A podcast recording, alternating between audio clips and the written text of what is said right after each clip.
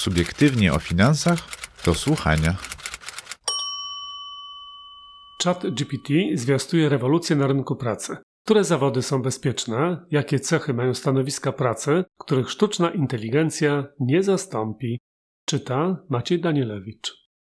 Rynkowa premiera ChatGPT, nowego chatbota opartego na sztucznej inteligencji, zmusza nas do ponownego przemyślenia, jakie zadania można wykonać przy minimalnej interwencji człowieka. Czy to prawdziwy początek zapowiadanej już od lat przez pisarzy science fiction naukowców stopniowej dominacji technologii nad człowiekiem w wielu zawodach? Które zawody są bezpieczne? Być może w dłuższej perspektywie rok 2022 będzie postrzegany nie jako rok inwazji Rosji na Ukrainę i gigantycznego wzrostu cen na całym świecie, lecz jako rok, w którym sztuczna inteligencja wpłynęła wreszcie na szerokie wody. ChatGPT oraz podobne narzędzia konwersacyjnej sztucznej inteligencji to nowe zjawisko, które na pewno wywrze wielki wpływ na światową gospodarkę i na nasze życie. Dość powiedzieć, że Microsoft wprowadza właśnie chatbota Azure do pakietu Office, z którego niemal wszyscy na co dzień korzystamy. Narzędzie napisze za nas maila, na bieżąco skoryguje i zredaguje pisany przez nas w Wordzie tekst i pomoże nam w obliczeniach w pliku Excel no i tym podobne zadania. One są i tak najprostsze, mogą być coraz bardziej skomplikowane. Które zawody mogą zniknąć, wyparte przez sztuczną inteligencję? Już dziś obsługa zdalna usług telekomunikacyjnych, internetowych czy telewizyjnych, a także bankowych odbywa się przy pomocy narzędzi sztucznej inteligencji. Jesteśmy do tego przyzwyczajeni i nie dziwi nas to. Podobnie jest z reklamą behawioralną, specjalnie do nas kierowaną, opartą na naszych yy, danych i zainteresowaniach. Nią też zarządzają algorytmy, mniej lub bardziej inteligentne. ChatGPT i inni. Jak zmienią nasze życie i naszą pracę. Nad wyeliminowaniem ludzi z wielu y, części rynku pracy za pomocą generatywnej sztucznej inteligencji dumają setki firm technologicznych z całego świata. Ich listę sporządził jeden z amerykańskich analityków i wygląda naprawdę imponująco. Narzędzia sztucznej inteligencji od dawna w wielu agencjach informacyjnych piszą prostsze depesze i newsy oparte na raportach i wypowiedziach polityków czy ekonomistów. Jeśli piszą, to oczywiście mogą również przekazać informacje w wersji wideo czy audio w telewizji czy radiu. Tutaj wiele rzeczy jest możliwych, nawet emocje generowane przez sprawozdawców sportowych relacjonujących przykład mecze czy skoki narciarskie są do wyuczenia. Chociaż pytanie, czy są. Znany ekonomista, profesor University of California Barry Eichengreen wyraził ostatnio opinię, że jest pewna kategoria zawodów i zajęć, których przedstawiciele mogą czuć się bezpieczni, bo ekspansja sztucznej inteligencji raczej ich nie dotknie. Swoje przemyślenia przedstawił w obszernym artykule na platformie Project Syndicate. Cóż tam napisał? Najbezpieczniejsze będą zawody wymagające empatii i oryginalności. Empatia tworzy międzyludzkie współczucie i zrozumienie, które są fundamentalne dla interakcji społecznych i dobrego samopoczucia emocjonalnego. Prawdziwej oryginalności nie sposób się nauczyć. Tak zareagował naukowiec na wejście na rynek narzędzia ChatGPT. Jest on może przedstawicielem y, starszego pokolenia, y, które zbyt mocno przywiązane jest do ludzkich aspektów pracy, ale coś w tym jest. Jeśli jest cecha naprawdę trudna do zastąpienia i wyuczenia y, przez narzędzia sztucznej inteligencji, które na razie raczej odtwarzają otrzymane informacje, to, nie są, y, to jest nią właśnie empatia. Posłuchajmy y, jeszcze Barego Eichengreena. Empatia to umiejętność rozumienia i dzielenia się uczuciami, emocjami innych. Jest to szczególnie cenne w okolicznościach i okresach trudności. Dlatego empatia jest ceniona u przywódców religijnych, opiekunów i doradców w żałobie. Jeśli sztuczna inteligencja jest w stanie zdać egzamin adwokacki, czy jest jakiś powód, dla którego nie może napisać opinii prawnej lub udzielić rzetelnej porady prawnej?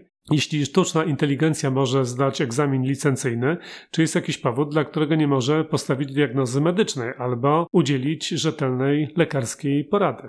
Mniej oczywiste jest to, kto jest bezpieczny przed bezrobociem technologicznych. Jakich ludzkich cech, jeśli w ogóle, sztuczna inteligencja nie będzie w stanie symulować? Czy te cechy są wrodzone, czy można się ich nauczyć? Wprowadzenie na rynek y, narzędzia ChatGPT przez laboratorium badawcze OpenAI z San Francisco, AI, czyli sztuczna inteligencja, spotkało się z tak dużym zainteresowaniem, że postawiło pod znakiem zapytania wiele innych projektów nowych technologii i nowinek, nad którymi pracowały giganty Big Tech. To prawdopodobnie może się stać z projektem e, Metaverse, ukochanym dzieckiem Marka Zuckerberga, nad którym Meta Platforms w ciągu ostatnich czterech lat straciła już bagatela 35 miliardów dolarów, a prowadzenie projektu wymagałoby kolejnych ogromnych nakładów, na które niekoniecznie godzą się akcjonariusze. Czy w świetle ekspansji sztucznej inteligencji w rodzaju ChatGPT Metaverse yy, nie musi na razie ustąpić? W ciągu zaledwie pierwszego tygodnia swojego rynkowego istnienia ChatGPT przyciągnął ponad milion użytkowników i był używany do pisania programów komputerowych, komponowania muzyki, grania w gry i zdawania egzaminu adwokackiego. Studenci odkryli, że mogą pisać eseje klasy B, a nauczyciele akademicy zaczęli się zastanawiać, e, jak to będą oceniać. Ludzkość, jak to ma w zwyczaju, zaczęła się na początku chatbotem bawić. Ale na horyzoncie całkiem nowe możliwości. Oczywiście, Barry Eichengreen dostrzega niezaprzeczalny fakt, że ChatGPT jest daleki od doskonałości, podobnie jak eseje studentów klasy B są dalekie od doskonałości. E, dostarczane przez sztuczną inteligencję informacje są tak wiarygodne jak informacje, do których ma ona dostęp, pochodzące głównie z internetu. Sposób, w jaki wykorzystuje te informacje, zależy od treningu, który obejmuje nadzorowane uczenie się. Użytkownicy ChatGPT, których są już miliony, są proszeni o głosowanie za lub przeciw odpowiedziom mm, y, bota za każdym razem, gdy zadają pytanie. W ten sposób, y, w jaki użyteczna informacja zwrotna od instruktora może czasami nauczyć ucznia klasy B napisania eseju na poziomie A, może też stać się nauką narzędzia ChatGPT. Nie jest wykluczone, że mm, sztuczna inteligencja w końcu uzyska lepsze oceny.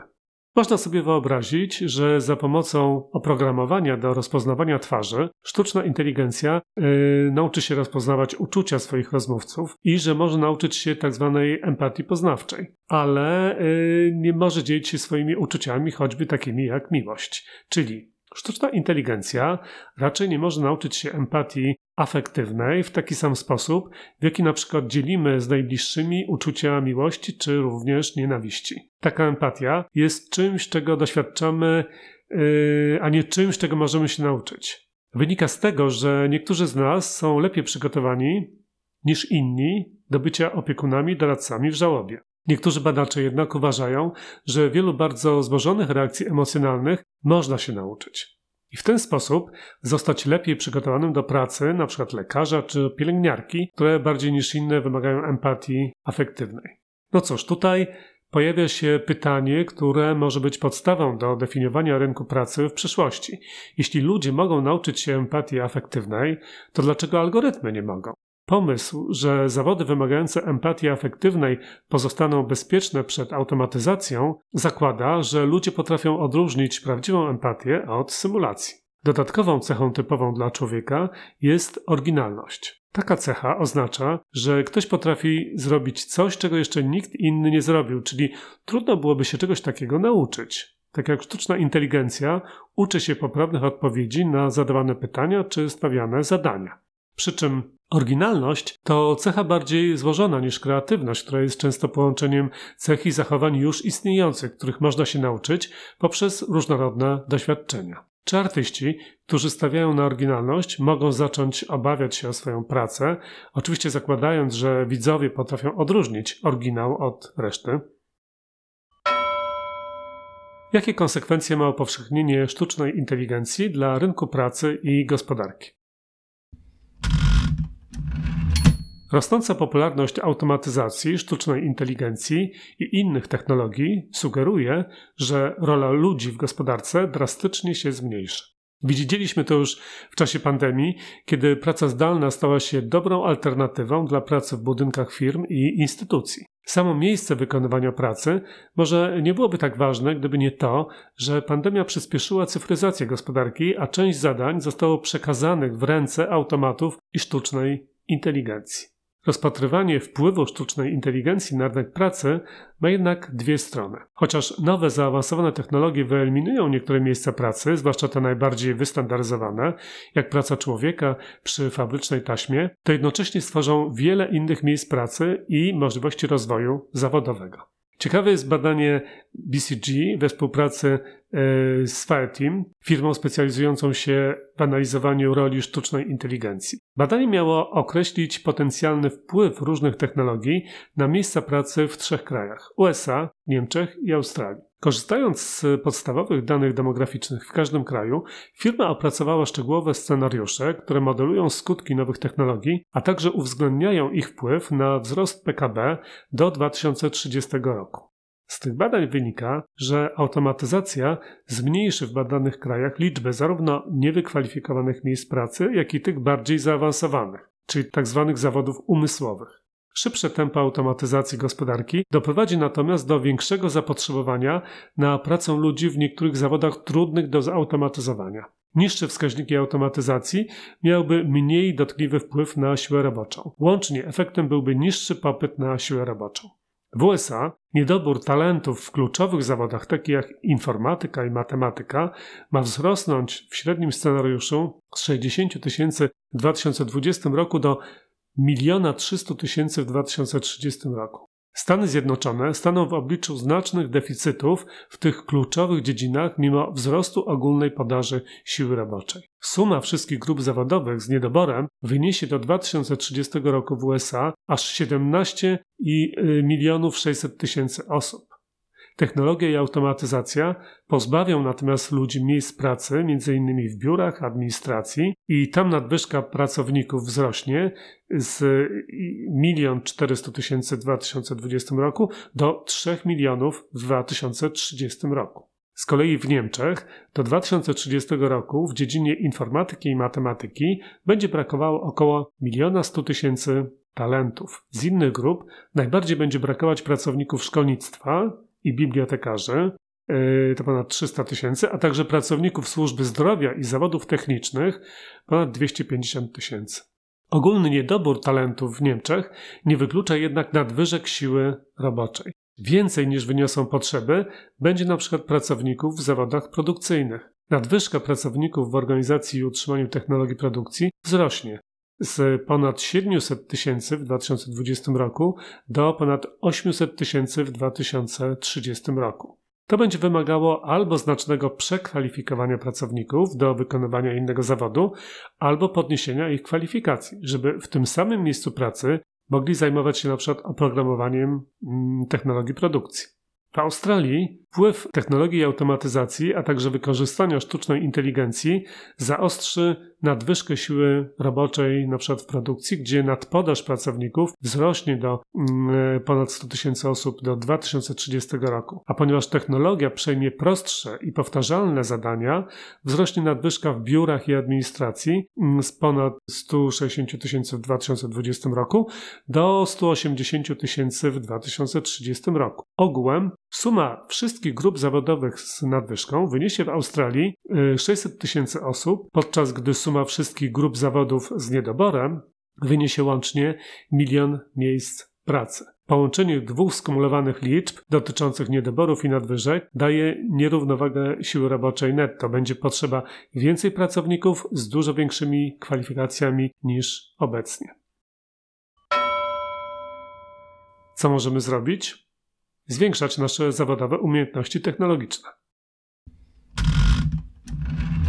We wszystkich trzech krajach rozwój podaży pracy nie w pełni odpowiada zmianom popytu na pracę. W wielu sektorach poważne niedobory wykwalifikowanych pracowników będą oznaczać, że wzrost zapotrzebowania na talenty nie zostanie zaspokojony. Jest to szczególnie prawdziwe w przypadku zawodów związanych y, z komputerami oraz zawodów związanych z nauką, technologią, inżynierią, matematyką, ponieważ technologia napędza wzrost automatyzacji we wszystkich branżach.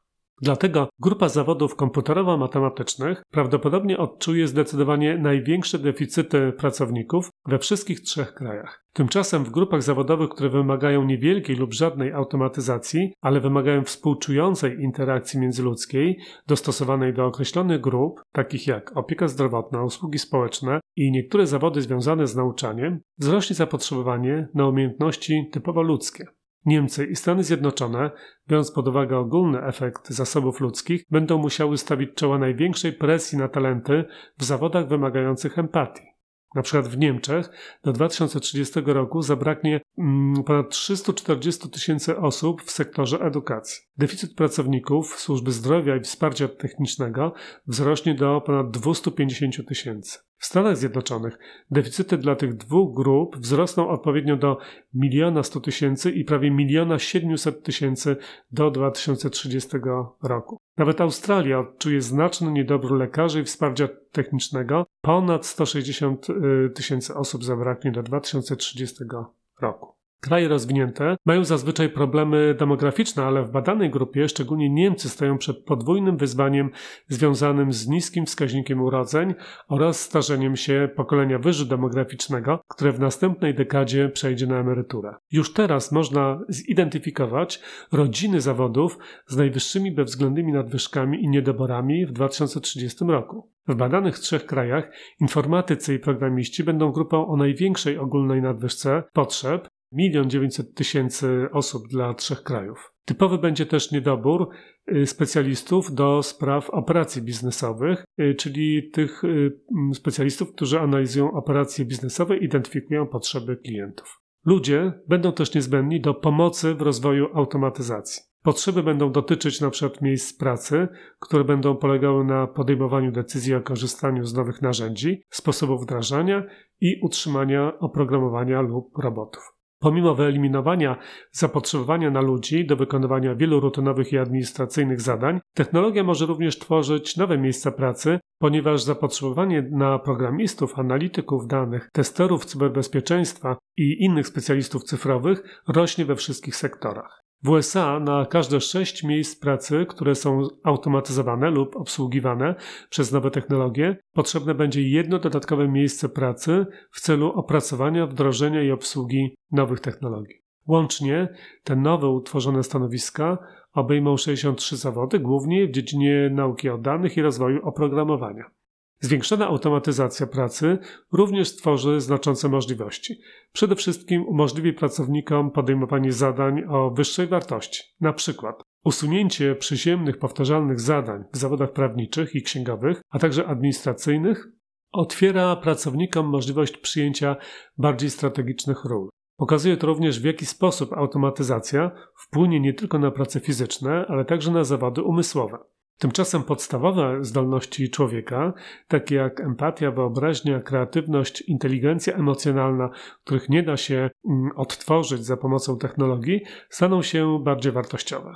Podaż talentów do zawodów wymagających tych umiejętności, takich jak pracownicy służby zdrowia i nauczyciele, jest obecnie ograniczona, co powoduje duże niedobory. Jeśli chcemy wybrać swoją przyszłą drogę zawodową i zapewnić sobie stabilne miejsce pracy, to najlepiej to zrobić albo w dziedzinach obsługi komputerów i oprogramowania, albo z drugiej strony w dziedzinach wymagających wielkiej wrażliwości i empatii.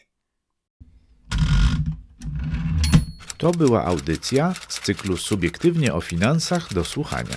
Więcej artykułów czytanych przez autorów znajdziecie na naszej stronie www.subiektywnieofinansach.pl w zakładce do słuchania oraz na naszym kanale podcastowym.